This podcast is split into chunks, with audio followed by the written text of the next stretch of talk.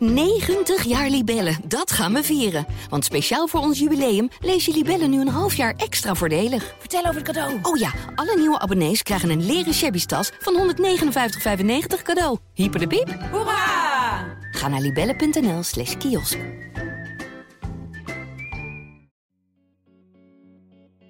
Mijn verhaal. Persoonlijke verhalen van vrouwen voor vrouwen. Hannelore groeide op in een secte. De zelf uitgeroepen profeet Vrieswijk dreef hele gezinnen uit elkaar en jaagde de leden angst aan door hen te vernederen, manipuleren en seksueel te misbruiken. Zo ook Hannelore. Ik heb wel een feestje gebouwd hoor, toen hij overleden was. ik, ik wist van gekkigheid niet wat ik moest doen. Ja, ik heb echt taart gegeten. Welkom bij Mijn Verhaal, een podcast van Margriet. Ik ben Marijke Kolk en dit is het verhaal van Hannelore. Hoe kwam je überhaupt in de gemeente Gods, heet het, hè? de secte, Ja. terecht? Ehm, nou, eigenlijk was ik natuurlijk heel klein. Ja, mijn ouders namen me gewoon mee. Ehm, mijn moeder die, eh, eh, ja, die kwam uit, het- uit het oosten van het land, zeg maar. En eh, vanwege werk verhuisden ze naar het westen. Ehm, daar waren ze eigenlijk een beetje op zoek naar van waar, in welke kerk passen wij thuis? Waar voelen we ons thuis? Waar leren we iets? En zo kwam mijn moeder een andere moeder tegen en kwamen met elkaar in gesprek. En die zei, joh, je moet een keer met ons meegaan. Ik heb iemand ontmoet, die kan de Bijbel uitleggen. Daar kun je elke dag wat mee en daar leer je echt wat van. Zo is mijn moeder meegegaan, mijn vader meegegaan. Nou ja, als eh, klein meisje heb je dan weinig keuze en ga je vanzelf met je ouders mee. Hoe klein was je toen? Eh 2,5 ongeveer, Oh, echt twee, drie klein, jaar. Ja, Ja. echt klein. Ja. Ja. de leider van deze, nou, we noemen het toch maar gewoon een secte, Ja. was eh, Sipke Vrieswijk. Ehm, daar kwamen ze ook een beetje in de ban van eigenlijk, hè? Ja, ik, ik denk dat je je moet voorstellen dat, eh, dat eh Sipke Vrieswijk heel goed eh, uit kon leggen, heel charismatisch was, ehm, heel vriendelijk, heel, mensen heel welkom, heel warm. Ja, de gemeente was gewoon eigenlijk een vriendengroep, een omzien naar elkaar met een leider. En in het begin waren er wel meerdere leiders nog en meerdere sprekers en ja, was er dus wel afwisseling. Alleen Vrieswijk kreeg steeds meer de macht en kreeg steeds meer voor het zeggen. Maar dat is echt een proces van jaren. In het begin was het vooral gewoon een, een hechte gemeenschap van vrienden. die eigenlijk maar één doel hadden. We willen graag meer leren uit de Bijbel en we willen God dienen. En die woonden ook nog niet bij elkaar, Nee. zoals later dus Nee. eh, wel gebeurde. Ja. En wat maakt nou waardoor jouw moeder vatbaar daarvoor was? Kan je dat uitleggen? Ja, voor een deel. Ik was natuurlijk kind, dus het is heel moeilijk om. om maar achteraf gezien eh, denk ik dat mijn moeder was zoekende en wou gewoon heel graag meer over de Bijbel leren, over God leren en had echt het verlangen om God te dienen.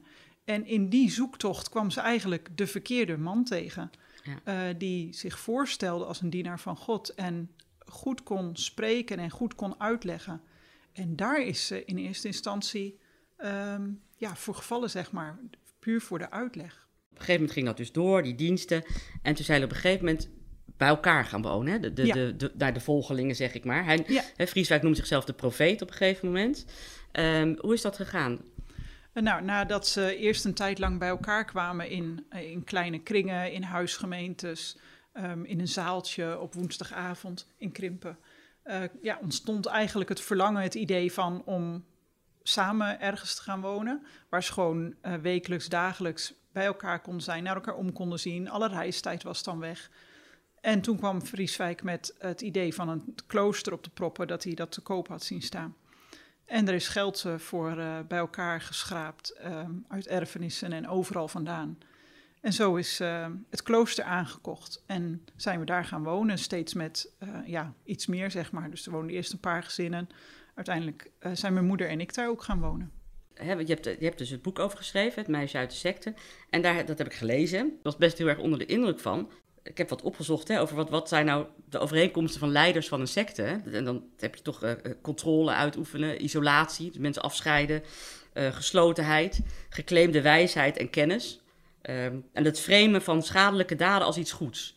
Toen dacht ik, dat is eigenlijk ook wat allemaal daar is gebeurd.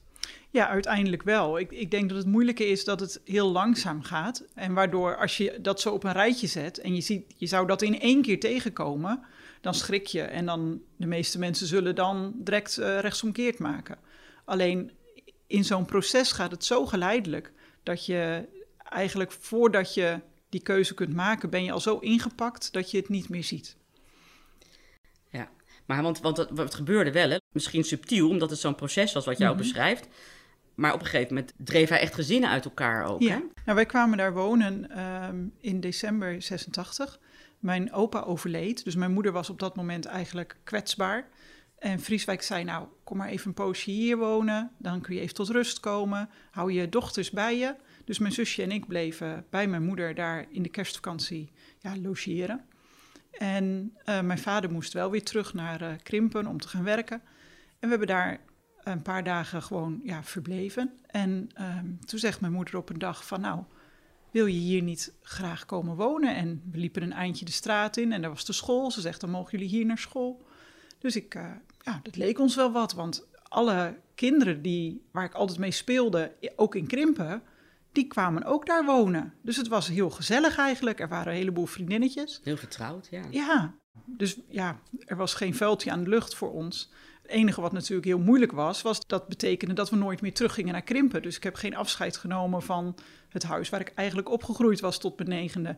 Eh, de kinderen in mijn klas in Krimpen heb ik geen afscheid van genomen, mijn vriendinnetje niet. Dus dat waren wel ehm, moeilijke dingen, maar er stonden heel veel leuke dingen tegenover, waardoor je er doorheen geholpen werd. Eh, toen heb ik daar eerst met mijn moeder en mijn zusje ja, eigenlijk samen gewoond. Mijn zusje en ik sliepen op een kamer. Mijn moeder sliep op een kamer wat ook onze woonkamer was.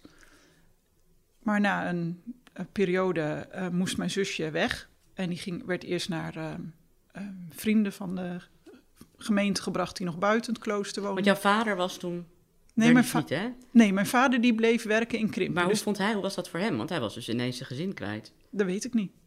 Ik had geen contact meer met mijn vader. Ik, ik weet nu wel wat hij ervan vond. Maar Ja. op dat moment was het gewoon...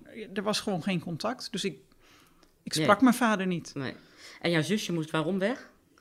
En uiteindelijk moest ze weg. Ehm, na heel veel heen en weer gereisd werd ze weggebracht... omdat ze nooit een kind van God zou kunnen worden volgens Vrieswijk. Het was ineens, hij had iets tegen jouw zusje ineens, toch? Een soort, Ja, we, we, ik, we zullen, of wat... eh, ja, we zullen niet weten waarom die dat heeft gedaan... maar kans is groot dat hij dat heeft gedaan om toch wrijving te brengen... en mijn moeder nog te, verder te verzwakken...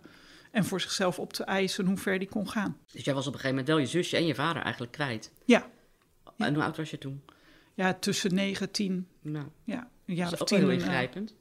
Ja, dat, eh, wat, op zich gebeurde er zoveel en was het leven zo raar en zo ongewoon...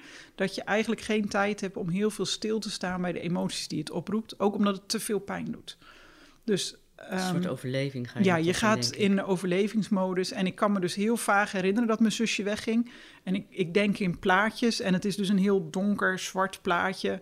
waar ik alleen die auto nog maar in Mm. zie... en weet dat mijn moeder spullen in die auto aan het leggen was. En meer weet ik gewoon ook niet meer. Hmm. En dat mijn zusje één keer weer terugkwam en dat ik toen met haar gewandeld heb en dat we hand in hand hebben gelopen en dat ik daar heel blij over was. Dus dat, die blijdschap kan ik me heel goed herinneren. Er moet dat- dus ook heel veel verdriet zijn geweest. Ja, maar dat heb je dus weggestopt. En je vader, sprak je die nog wel? In nee, die de eerste tijd niet. Uiteindelijk eh, werd mijn vader ontslagen en kwam hij ook wonen in het klooster. Of in een bijgebouw dan. En eh, dan sprak ik hem wel eens als we iets moesten vragen over de tuin of de dieren. Maar dat was dan eigenlijk een soort van zakelijk eh, met elkaar praten. Van is dit wel of niet onkruid? Moet dit wel of niet Ja. uit de tuin? Dus hij heeft een tijdje daar ook op het terrein gewoond, maar eigenlijk gescheiden van jou en je moeder. Ja, de mannen werden in een apart gebouw eh, ondergebracht eigenlijk. En eh, de volwassenen, ja, een aantal woonden in het klooster en een aantal woonden in het bijgebouw. En uiteindelijk gingen daar ook alle kinderen heen. Dus uiteindelijk werd ik ook bij mijn moeder vandaan gehaald en woonde ik gewoon met een paar volwassen vrouwen en een groep kinderen. Ja, woonden we eigenlijk bij elkaar. Dus eigenlijk was ik gescheiden van alle gezinsleden, zeg maar. Ja, hoe voelde dat? Eh, iedereen maakte het door, dus dat scheelt. Dus je ziet om je heen dat de anderen ook allemaal zo leven. Dat maakt het een soort van gewoon. Maar eh, je gaat, ja, ik ben wel helemaal op slot eigenlijk gegaan op het moment eh, dat ik mijn moeder een keer zag huilen. En ik gewoon wist dat ik niet naar haar toe zou mogen gaan, haar niet kon troosten, niet bij haar kon zijn. En dat ik eigenlijk ook het gevoel had dat ze verdriet had omdat we niet samen waren. Dus dat, dat, op dat moment, ik ik zeg wel eens, heb ik het gevoel alsof ik mezelf begraven heb. Of ik, er, ik, ik mocht er niet meer zijn. Ik, En mijn gevoel al helemaal niet, want dat bracht alleen maar meer problemen met zich mee. Je bent je eigenlijk helemaal gaan aanpassen aan de situatie waar je in zat. Ja, ik had geen keus. Ja. ja. ik had geen keus. En, en Frieswijk ehm, was eigenlijk ook niet zo aardig tegen jouw moeder. Of Nee. helemaal niet eigenlijk. Nee. En nee. toch bleef ze hem volgen. Ja, dat is denk ik het karakter van zo'n leider. Dat hij mensen helemaal afbrandt.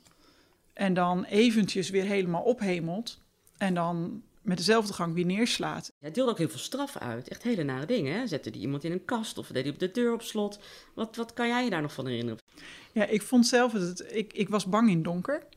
En eh, je werd dus ook wel eens voor straf naar buiten gestuurd de hof in. En je moet je voorstellen, dat is eh, in ieder geval in mijn kinderbeleving... echt een heel eind bij de gebouwen vandaan was nog een heel groot stuk tuin. Een, een Ja, soort dat noemde hij de Hof van Ede, toch? Ja, de Hof van Ede, Ja. een soort park, zeg Ja. maar, moet je erbij voorstellen. Ja. Maar dat was wel afgesloten voor de buitenwereld. Maar het was weer wel heel donker, want er stonden geen lampen. Oh ja. Dus dat was zo'n beetje mijn eh, ergste eh, angst, zeg maar, dat ik s'nachts uh, daarheen gestuurd zou worden. En is het gebeurd ook? Ja, één keer. En ehm ik kan me ook heel goed herinneren, ik ben gauw onder, er stonden van die hele grote taxusbomen. En daaronder was het heel pikkerdonker. Maar daarna was je weer, was je dan in het park, zeg maar. En ik moest naar de Hof van Ede, dus ik kon niet verder naar voren blijven in de tuin. Dus ik moest echt onder die taxusbomen door. En toen ben ik direct om het hoekje op een bankje gaan zitten tegen de schuurmuur, of uh, garagemuur aan. Uh, met het idee van, nou ja, dan ben ik toch nog een beetje, ik ben, kan heel gauw weer terug voor mijn gevoel. Maar hoe lang moest je er blijven? Oh, dat weet ik niet. Dat, dat kon zo lang zijn. Uh... Oh, tot je weer geroepen werd. Ja, tot, tot je, je weer geroepen mocht. werd. Of soms kreeg je tijd mee. Maar dat, dat was, dus dat was heel eng. Dat vond ik heel eng. Dus hij zat in de mooiste kamer, toch? Ja, en ja, hij absoluut. gaf via een intercom ergens in de gezamenlijke ruimte gaf hij boodschappen door wat er moest gebeuren. Vrieswijk en zijn partner, die hadden een intercom. En door de intercom werd het doorgegeven naar de keuken in het klooster. Daar stond zeg maar de hoofdpieperdienst, uh, noemden we dat. Dus die nam de boodschap aan. En die gaf via een andere intercom het weer door naar het gebouw waar degene was die, waar de boodschap voor was. En wat voor boodschappen waren het? Kun je er voorbeelden van noemen? Uh, dat konden straffen zijn. Uh, dat konden uh, gewoon opdrachten zijn, dat je iets moest doen. Je kon ook straf krijgen eh, ik, dat je, als je een kopje had laten vallen bijvoorbeeld, ja, dat kan iedereen een keer gebeuren, dan um, moest je dat melden. En dan zat je dus in angst en beven te wachten tot de brievenbus, want daar deden we die briefjes in waar we moesten melden, tot die geleegd was en het briefje gelezen was en wat je straf zou zijn. Nou ja, en dan kon het dus inderdaad zijn als de brievenbus geleegd was, dat de pieper ging van de, het geluid van de intercom. En dat er uh, verteld werd dat je 20 euro of zo moest betalen vanwege onoplettendheid, vanwege ongehoorzaamheid. En uh, dat was voor de klunzenpot. Dat was een manier voor hem ook om aan geld te komen, maar iedereen moest ook natuurlijk geld afstaan van wat hij verdiende. Ja, ja, ja de, dat heb ik later natuurlijk gehoord, want daar ben ik me als kind niet bewust van geweest. Ja. Dat uh, de volwassenen die werkten of een baan hadden, uh, die moesten inderdaad een deel van hun inkomen afstaan. Maar er werden ook gewoon spullen moesten verkocht worden of er werden erfenissen ja, opgevraagd, zeg maar, voor, die dan geschonken werden aan de stichting. Want op een gegeven moment had hij toch een soort harem om zich heen van vrouwen. Wat was waardoor die vrouwen bij hem bleven en dat dat best ver ging, ook seksueel?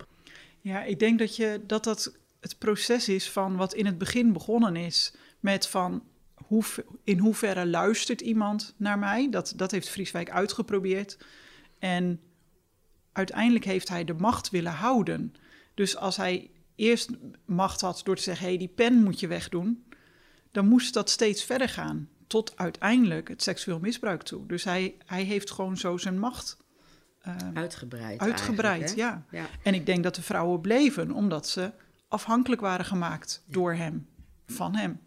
En iedereen met het idee dat ze het deden voor God. Maar dat heeft Vrieswijk, ja, slim, dom, zeg het maar. Hij heeft dat voor elkaar gekregen dat mensen in hem de profeet van God zagen. Ja, het is moeilijk voor mensen denk ik om voor te stellen dat Ja. hij ook op een gegeven moment met de vrouw of zijn volgelingen zeg maar, dat hij ook zei van je wordt bruid van God en dat betekent eigenlijk dat je met hem naar bed moest. Ja. Sterker nog, met hem en zijn vaste minnaressen in bed moest landen. Dat was gewoon eigenlijk onderdeel van het secteleven. Eh, je wist niet beter dan dat er met enige regelmaat eh, twee vrouwen werden geroepen. Ja, en je dacht dan ook echt van dit is inderdaad een contact met God. Dit, dit moet zo. Want hij zegt dat dit zo. Of, of Ja, dat vind ik heel moeilijk, Ja. omdat dan, dat is denk ik dat het proces van de volwassenen. Ehm, als kind heb ik het gewoon ondergaan. Ik heb daar niet ehm, bewust voortdurend bij nagedacht: oké, dit is bruid van God zijn. Mhm. Nee, het hoorde bij het leven. Ik zag het de volwassenen doen. En net als je je, je eigen kinderen gewoon dingen leert, eh, ja, ging ik hierin mee. Dat, ehm, Ja, en, en voelde het voor jou op dat moment verkeerd? verkeerd is denk ik niet het goede woord. Je weet dat het niet normaal is. Maar dat, dat de wereld het niet normaal vindt. Dat we, daar ben je je van bewust. Maar er is je zo uitgelegd en verteld dat het iets heel bijzonders is, iets heel kostbaars en dat niemand het begrijpt. En eh, dat je er dus eigenlijk heel blij mee moet zijn, want dat je uitverkoren bent. Maar hoe komt het dat je wel weet dat de wereld daar anders tegenaan kijkt? Want je bent eigenlijk vrij geïsoleerd. Eh, dat, is, dat werd steeds gezegd. Door hem ook. Ja, dat, zo, zo werd het door Vrieswijk en door zijn partner gebracht. Van eh, de wereld gaat dit niet begrijpen, want die leven in de wet van de zonde. En daar is, zou dit heel zondig zijn. Maar wij leven in de wet van de geest, van het leven. En hier is, mag dat, want hier is vrijheid. Nou, dat is, nou, als je dat maar vaak genoeg hoort als kind, dan weet je niet beter. Want ja, blijkbaar vindt de wereld het vies en raar.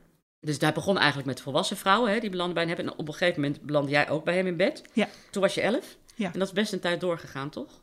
Ja, dat, de, vanaf dat ik elf was, is dat eigenlijk gewoon een vast eh, ritme in mijn leven geworden. Eh, wat begon met misschien één keer per drie maanden of zo, werd uiteindelijk eh, één keer per week zo'n beetje. Maar toen was ik inmiddels wel eh 16, 17. Ja, zeg maar. dat heeft jaren doorgegaan. jaren Maar niet jou, jou alleen, hè? ook de andere, andere Ja, meisjes hoor. ook. Ja. dit was gewoon waar Ja. hij op dat moment voelde dat die werden geroepen via, de, via Ja. de intercom eigenlijk. Ja, wie, dat werd dan gebracht als dat God aangaf dat eh, die twee vrouwen, twee meisjes, ehm, ja, geroepen moesten worden. Ja, wat mij ook daar in, in, in fascineerde, wat je eigenlijk zei, eh, dat je het zag, hè, ook, ook dat seksuele misbruik, als enige beschikbare vorm van aandacht. Je kreeg ook nooit een arm om je heen. Hè? Er was nooit eens iemand die, nou ja, bij wijze van spreken, smiddags met een kopje thee klaar zat en zei: hey, hoe was het op school? Hoe was jouw dag? Dat, dat gebeurde nooit. Je kreeg nooit een arm, een knuffel, of als, het, als je een moeilijke dag had, of als de toetsen niet goed gingen. Er was nooit iemand. En deed Vrieswijk dat wel? Zei hij ook lieve dingen dan tegen je? Hij zei niet zelf lieve dingen, maar ehm, hij deed dan alsof. eh, de- hij kreeg dan boodschappen van God, zeg maar. En die, eh, daar zat altijd wel liefde in, zeg maar. Maar dan was dat dus eigenlijk niet zijn liefde, maar Gods liefde voor jou. Probeerde die op die manier. Ja. Maar eh, voor mij zit dat wel een beetje door elkaar heen, Ja. zeg maar. Want. ehm, maar ja, het waren boodschappen van God. Hij bracht het als zo spreekt de Heer. Ja, en hij bracht het ook als je met mij naar bed gaat, kom je eigenlijk hoger tot, kom je nader tot God. Ja, het, het, het was goed voor je geloof, zullen we maar zeggen. Ja. Het was goed voor je relatie met God. Ja, dat had ook een naam voor, hè? ja, Wat was Ragama? Wat ja? Ragama. Ja. Wat, bete- wat betekent dat eigenlijk? Eh, dat weet ik niet. Is mij nooit uitgelegd. Ik heb later, maar dat is, heb ik pas gehoord, dat het een samenvoegsel is van de eerste letters van namen van een aantal vrouwen. Oké. Maar Ge- ik heb er niet. nooit uitleg over gehad. Nee, ik nee, ik was te jong toen het zeg maar werd geïntroduceerd, Ja, het hele gebeuren. Dus ik heb, ik heb stukjes van de uitleg gemist. ja, dat weet je niet, maar het was wel een begrip. Zonder te weten wat het betekende eigenlijk. Hè? Ja. In, in, in, in- binnen die muren. Ja, want we konden natuurlijk zo. eh eh, Vrieswijk was als de dood dat iemand zou ontdekken wat er gebeurde. Dus het was gewoon veilig om er een naam voor te hebben die je gewoon kon noemen zonder dat iemand wist waar je het over had. En werd er ook gezegd, jullie mogen hier nooit met iemand over praten. Dit Ja. is, ja. Ja, dit- dat werd echt van de wereld begrijpt het niet. Dit, dit hoort bij ons. We zijn uitverkoren. Daar moet je niet met anderen over praten. Maar ook dus niet ehm, onderling. Je mocht ook niet met eh, de andere secteleden, zou ik maar zeggen. Mocht je er ook niet over praten. Daarvoor was het te heilig. Hoe overleef je dan? Wie was jij nog? Eh, niemand. Je bent zelf Nee. niemand meer. Nee. Nee, dat, dat is ook wat ik zeg. Voor mijn, dat moment eh, dat ik mijn moeder zag, heb ik echt mijn eigen emotie, mijn eigen gevoel, mijn eigen ik, mijn eigen alles eh, begraven. En heb ik gewoon, ben ik een soort marionet geworden van wie hun wouden dat ik was. En wie je zelf bent, dat vraag je helemaal niet meer af. En op een gegeven moment kwam er ook verzet hè, vanuit de buitenwereld, zeg maar, tegen de secte van Vrieswijk. Eh, Hoe ging dat? Nou, eigenlijk begon dat met dat er was een, een mevrouw, die, die kwam nieuw naar de diensten toe, samen met haar man. Zij bleef een poosje, net als eigenlijk mijn moeder, om even op krachten te komen. Op die manier was ze binnengehaald. Maar haar man moest weer naar huis om voor de kinderen te zorgen en werk. Maar uh, hij kwam haar op de afgesproken tijd weer ophalen van haar uitrustperiode. En uh, ze is niet meer met hem meegegaan. Dat heeft ertoe geleid dat die man eigenlijk uh, is gaan ja, rondvragen van... hé, hey, wat is hier aan de hand? Hij heeft toen eigenlijk mensen bij elkaar getrommeld, zeg maar... die een protest zijn begonnen. En die gingen ook echt protesteren buiten het klooster waar Ja. jullie zaten. Ja. Kan je dat zelf ook nog goed herinneren? Ja, kan ik me heel goed herinneren. Ik vond dat, eh, dat was eigenlijk, vond ik het wel een hele belevenis, want er gebeurde iets wat anders dan het gewone dagelijkse leven. Dus het was hartstikke leuk. Ik zag er ook geen gevaar in of zo, dus ik was er niet bang voor. Vooral omdat eigenlijk mijn leven zich vooral afspeelde aan de achterkant van het klooster, dus niet aan de straatkant waar de herrie was, zullen we maar zeggen. En eh, dus ik heb het, ehm, ik vond het heel leuk. Er was eindelijk wat reuring en er gebeurde wat. En eh, nou, die bommelding was natuurlijk fantastisch. Dat we mochten door het raam klimmen. En ja, er kon ineens van alles wat anders altijd allemaal stijf en Oh, kleurig en netjes. Maar dat bleek Ja. niet... eh, nee, dat was, dat was natuurlijk niet zo. Nee. Maar ze hoopte op die manier ons naar buiten te Oh, krijgen, zodat ze ons wel konden spreken. Maar we gingen natuurlijk aan de achterkant door het raam eruit. En Zodat je nog steeds niemand zag eigenlijk. eh. nee, nee. Dus het was een hele ervaring, maar eh, voor mij een hele positieve ervaring. Ja, Ja. ja. omdat je de dacht er gebeurt wat. er Maar, gebeurt maar, wat, Maar er gebeurde niks in die zin dat het had niet echt effect op dat moment. Nee, maar ik wist ook niet dat dat nodig was natuurlijk. Ik was me er niet van bewust dat ik in een gevaarlijke situatie was. Ik dacht dat ik op de goede plek zat. Dus die mensen konden schreeuwen en doen wat ze wouden. Maar eh, Ja, dus jij zat daar die plek en eigenlijk buiten die muren vonden die protesten klaar. eh, Was ook de kinderbescherming bezig, hè? Met, Ja. eh, die probeerde ook, maar kreeg toch niet echt voet aan de grond. eh. nee, er werd gewoon tegen mij gezegd... jij bent vandaag het vriendinnetje van dat meisje. En ik mocht die dag met haar spelen. En we hebben, dat weet ik dan wel... we hebben echt enorm gelachen. Wat normaal natuurlijk niet mocht... want alles moest stil en rustig en ingetogen. Want toen was er ineens een soort van... we moesten een soort van luchtig en gezellig en vrolijk... en Ehm, ja, dus dat is mijn herinnering aan dat de kinderbescherming kwam. Je moest een beetje een toneelstukje opvoeren Ja. eigenlijk ook. En dat deden jullie ook. eh. Ja, het, het was niet eens een toneelstukje. We hebben het gewoon... We waren denk ik eventjes gewoon onszelf. Dus zij konden weinig eigenlijk. Ja, ja, Ja. Dat, ja dat denk ik. Ja. Op een gegeven moment, ja, op een gegeven moment werd, de grond hem te warm onder de voeten. Hè? En, Mhm. en is hij gevlucht naar Israël. Wat was precies de aanleiding dat hij dacht, nou, nu moet ik wegwezen? Ehm, nu weet ik dat de aanleiding was dat de Belastingdienst en de kinderbescherming achter hem aan zaten.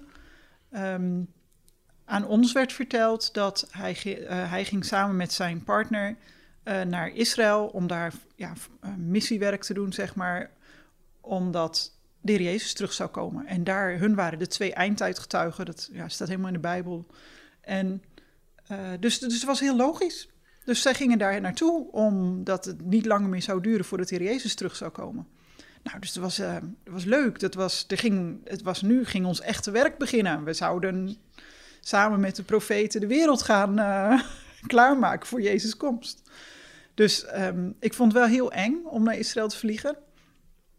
Eh, gewoon het vliegen vond ik heel eng. Toen dacht ik, ja, maar weet je, als de Heer me daar wil hebben, dan zal ik er ook wel aankomen. Eh, ik wil nooit meer naar Israël. Nee, ja. Nee. We woonden in een appartement met achter ons een militair kamp. Maar we woonden eigenlijk tussen de Arabieren. Nou, en dat, die spanning heb ik voortdurend gevoeld en ook gewoon gezien. En dat, dat eh, Bedreigend. ja, heb ik heel, als heel bedreigend ervaren. Ook al was het toen misschien relatief rustig. Maar ik, ik, nee, dat, dus ik, ik heb niet de mooie dingen van Israël gezien. Er zijn vast ook hele mooie stukjes. Nee, maar goed, dat, dat was het eigenlijk binnen was het bedreigend en buiten was het eigenlijk ook nog bedreigend. En ik mocht ook nauwelijks naar buiten. Dus ik ben daar eigenlijk ehm, grotendeels alleen maar binnen geweest. En ehm, toen is hij daarna is hij ook nog naar Zweden en ook nog naar Cyprus gegaan. In Israël kreeg hij geen eh, voet aan de grond, zeg maar, geen visum lang genoeg. Dus na een jaar moest hij daar gewoon weer weg. Eh, want ze geloofden natuurlijk zijn verhaal niet. En in Zweden kreeg hij ook geen visum, want daar werd het hem ook te heet onder de voeten. Omdat iemand hem herkende als ehm, leider in Nederland, zeg maar. Dus daar is hij ook weer na twee maanden vertrokken. Ben ik wel achter ze, met ze meegereisd, zeg maar. Toen zijn we naar Cyprus gegaan. En daar hebben we ook ongeveer een jaar gewoond. En ondertussen werd er in Nederland werd er dus wel naar hem gezocht, hè? Nou, in Nederland was wel zeg maar bekend van er klopt iets niet. En de Belastingdienst wou hem wel spreken en de kinderbescherming ook wel. Alleen ze hadden eigenlijk gewoon te weinig om echt iets te kunnen. En toen heeft uiteindelijk, mijn moeder was ehm, in de tijd in Israël, was ze gaan twijfelen. Toen is ze uiteindelijk in Nederland terechtgekomen. Ehm, heeft ze, ja, eigenlijk doordat mijn oom ook tegen haar zei van, joh, eh, je dochter is bijna 18. Als je wat wil, moet je nu toch echt uh, actie ondernemen. Als je twijfelt, ga er wat mee doen. Nou, dat, dat, heeft er natuurlijk, voor haar was het nog zo. Ze moest eigenlijk haar eigen verwerkingsproces nog beginnen. Maar moest toen al aangifte doen. En heeft toen toch ehm, gebeld met de wijkagent in Tubbergen. En die geloofde haar verhaal. Die heeft ook niet gedacht van, nou, dit is een of andere, die hoort in de inrichting. Maar die heeft het serieus genomen. En is daarmee aan de slag gegaan. En ja, zo nou, via een heel lange weg en heel best wel veel gedoe is hij erachter gekomen uh, dat we in Cyprus waren inmiddels. Heeft hij de ambassade daar gebeld en gezegd van ja, um, dat willen jullie niet in je land, zo'n secte. Uh, geen visum verlengen. Nou ja, toen was de eis wel dat uh, ik opgehaald zou worden door mijn moeder. Toen hebben mijn moeder en mijn oom hebben mij opgehaald. En ik was heel boos. Ik wou niet mee. Ik, uh, ik mocht kiezen eerst van de ambassade of ik uh, met mijn moeder mee wou of dat ik uh, wel gewoon alleen ging. En ik had, of dan, als ik alleen ging, dan ging ik onder politiebegeleiding. Ik zei, nou, doe dan maar politiebegeleiding. Ik denk, hoe langer ik bij mijn moeder weg kan blijven, des te beter. En, maar dat mocht niet. Dus ze kwamen mij ophalen. En ik was zo boos dat mijn oom heeft gezegd, nou, je gaat maar naast mij zitten en niet naast je moeder. En uiteindelijk uh, heeft um, Peter, de politieagent, geregeld dat we ook op, in Schiphol niet gewoon uh, naar de koffer, zeg maar naar de bagage gingen, maar dat we al eerder het vliegtuig uh, via de slurf eruit konden. omdat hij wel had voorzien dat we opgewacht zouden worden en dat ik dan met die mensen, dat ik Door dan echt hè? ja, dat Ja. ik dan stennis zou maken met de secteleden, om met hun mee te mogen. Ja. Nou, toen heeft mijn oom heeft zijn vrouw gebeld van. Um, uh, die kan niet bij de moeder wonen, want dan gaat het helemaal mis. Dus uh, maak de logeerkamer maar klaar. En toen heb ik de eerste maanden bij mijn oom en tante in huis gewoond. En uh, ja, dat was gewoon een heel warm, liefdevol, fijn gezin met jonge kinderen. Um, ik wou terug. Ja, je wou maar Ja, ik wou echt terug. Maar dat, dat, het, het wordt heel. Um, je krijgt echt een conflict in jezelf. Want wat ik zag bij mijn oom en tante was een liefdevol, warm gezin met lieve jonge kinderen. Ik ben altijd al gek geweest op kinderen. En je zit zo in strijd in je hoofd dat ik moet terug, ik moet terug. Want God wil me daar hebben. Maar hier is warmte en liefde en ze lezen uit de Bijbel. En Vrieswijk had altijd gezegd, in, buiten het klooster, dat is allemaal hypocriet en schijnheilig en leugen. En ze geloven niet in God.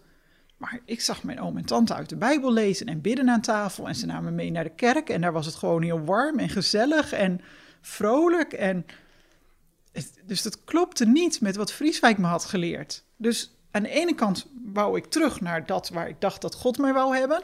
En aan de andere kant zag ik een God die niet strookte met wat Vrieswijk had gezegd dat het zo goed zou zijn. Had je mensen om mee te praten? En mijn oom en tante hebben wel echt wel heel, heel veel avonden hebben we geprobeerd uh, een gesprek te voeren. Maar ik bleef het verdedigen. Dus ik hoorde wel wat ze zeiden. En ik luisterde er ook wel naar. Maar op het moment dat ze het zeiden, van hé, hey, het is daar zwart, het is daar niet goed. Zei ik je wel, want jullie begrijpen het niet. En dan, ik had al mijn antwoorden klaar. Maar s'avonds in bed ging ik dan wel nadenken over dat wat hun zeiden. Dus ik deed wel alsof ik het verdedigde, maar het zaaide wel twijfel. Bij Vrieswijk was je alleen maar aangepast aan de situatie. Maar hier ja. was je ook eigenlijk nog niemand.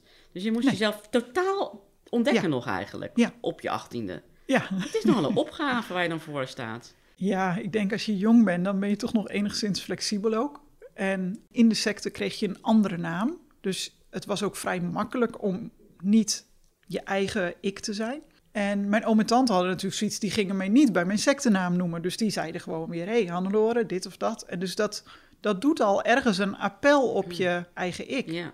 En ja. Um, ik denk dat mijn oom en tante gewoon heel goed het aanpakte door gewoon te zeggen van nou, hier heb je de sleutel, hier de portemonnee en hier heb je een fiets. En uh, na de kerstvakantie, waar zat je op school? Oké, nou, dan ga je weer verder met de MAVO. Ehm, waar hield je van als kind? Nou, ik zat als kind op een koor. Oh, nou, we hebben wel een koor bij de kerk. Dan ga je daar maar eens kijken. Dus eigenlijk, nou ja, ik zou eens zeggen, gooiden ze me in het gewone dagelijkse leven. Dus, dus je, je wordt gewoon meegenomen in een gewoon gezinsleven. En ergens doet dat dan toch wel een appel op dat wat je als kleinkind, wat ik natuurlijk wel had gezien, gewoon Ja. met mijn vader en moeder. Dat had natuurlijk gewoon tijd nodig. Ja, het had gewoon tijd Ja. nodig. Ja, En je moeder zag je af en toe, hè? ja dat, dat ging natuurlijk helemaal niet goed, want ik had in de secte, was mijn moeder helemaal niet meer mijn moeder. Ze was gewoon een van de anderen. Dat moest gewoon herstellen. Dus dat heeft echt tijd nodig gehad voor ik weer gewoon een leuk gesprek eh, met mijn moeder kon voeren, zeg maar. Ondertussen even, is er dus eh, eh, tegen Vrieswijk en ehm, zijn metgezel, zullen we maar zeggen, ehm, aangifte gedaan, hè? En is hij uiteindelijk opgepakt. Ja, ik heb aangifte gedaan na een Ja. 1, 2 jaar zoiets. En ehm, toen zijn ze gaan kijken van zijn er meer ex-leden die aangifte willen doen. Nou, op basis daarvan hebben ze toen eh, ja, eh, kunnen gaan zoeken van Ja. waar zit hij en kunnen we hem aanhouden. Uiteindelijk heeft hij eh, een paar jaar cel en TBS gekregen. Ja, ja. Hoe was dat voor jou? Was dat een opluchting? Ja, eh, want in eerste instantie blijf je toch heel lang twijfelen van heb ik wel de goede keuze gemaakt. Je hebt je hele leven geen keuzes gemaakt en dan ben je 17, 18 en dan moet je kiezen eh, voor je gevoel tussen leven en dood. Want als je teruggaat naar de secte, dan zit je op Gods plek, zeg maar, waar God je wil hebben. Dus dan zit je op de goede plek. Of je moet kiezen tussen hier blijven, waar het misschien toch ook wel, misschien wel van God lijkt. Dus als je, uiteindelijk heb ik die keuze kunnen maken van, ehm, ik denk toch dat ik hier hoor en niet in de secte. Ja. Maar dat is heel lang een ik denk geweest en niet een zeker weten. Vrieswijk had gezegd, ik loop door de gevangenismuren heen. Maar toen hij gevangen was en gevangen bleef en veroordeeld werd, was dat voor mij toch een bevestiging van, ehm, ik heb de goede keuze gemaakt. Hij, hij is- was niet een profeet. Hij dacht dat hij een profeet was. Wat het meest verbaasde was de ontspanning en de rust. Niet in stress leven, niet in angst leven, geen, niet in onzekerheid. Ook al zat ik met een heleboel vragen, maar het gaf wel, er was meer rust. Jij bent wel gewoon blijven geloven. Mhm. Want ik kan me ook voorstellen dat je na zo'n jeugd denkt, nou, dat hele geloof, daar wil ik helemaal niks mee te maken hebben. Nee, maar ik heb me er, ik heb wel kunnen, de omslag kunnen maken dat het is me niet door God aangedaan, het is me door mensen aangedaan. Dus waarom zou ik dan boos blijven op God? En als jij dan nu kijkt naar Sipke Vrieswijk, denk jij daar nog wel eens over na? Was het nou puur eigen belang van die man? Hoe gek was hij eigenlijk? Want door het Pieter Baan Centrum is uiteindelijk een, ik heb het even opgeschreven, een ernstige narcistische persoonlijkheidsstoornis met psychopathieforme trekken eh, gediagnosticeerd. Herkenbaar voor jou? Ja, ik, aan de ene kant vond ik dat moeilijk. Vooral in het begin, toen die diagnose gesteld werd, vond ik het moeilijk. Want daarmee zeg je dus eigenlijk, ja, die man kan er ook niks aan doen dat hij gedaan heeft Oh wat ja, hij gedaan ja. heeft. Dus dat, dat vond ik wel Ja, moeilijk. je verontschuldigt hem bijna, ja. Ja, het is bijna Ja. verontschuldiging, Ja. zo ernstig gestoord als Ja. die is. Maar inmiddels ben ik wel zover dat ik denk, ja, die man was gewoon knettergek. ja. En eh daar kun je ook zien, ik bedoel, op zijn grafsteen staat ook profeet. ja. ja. Dus ja, hoe gek wil je zijn? En voelt het rustig dat hij er niet meer is? Het maakt wel enigszins verschil, maar niet. ehm, ik was niet bang voor hem, zeg maar. Maar wel dat ik denk van, nou, nu, eh, nu mag God zich ermee redden, zeg maar. ehm, ja, welk Ja. oordeel past, zeg maar. Ja, precies. En eh, dus, nee, ik heb wel een feestje gebouwd hoor, toen hij overleden was. Dat, Ja? Ja, ja, ja. Dat, ik, ik wist van gekkigheid niet wat ik moest doen. Ja, ik heb echt taart gegeten. En, eh, Dit was Mijn Verhaal, een podcast van Margriet.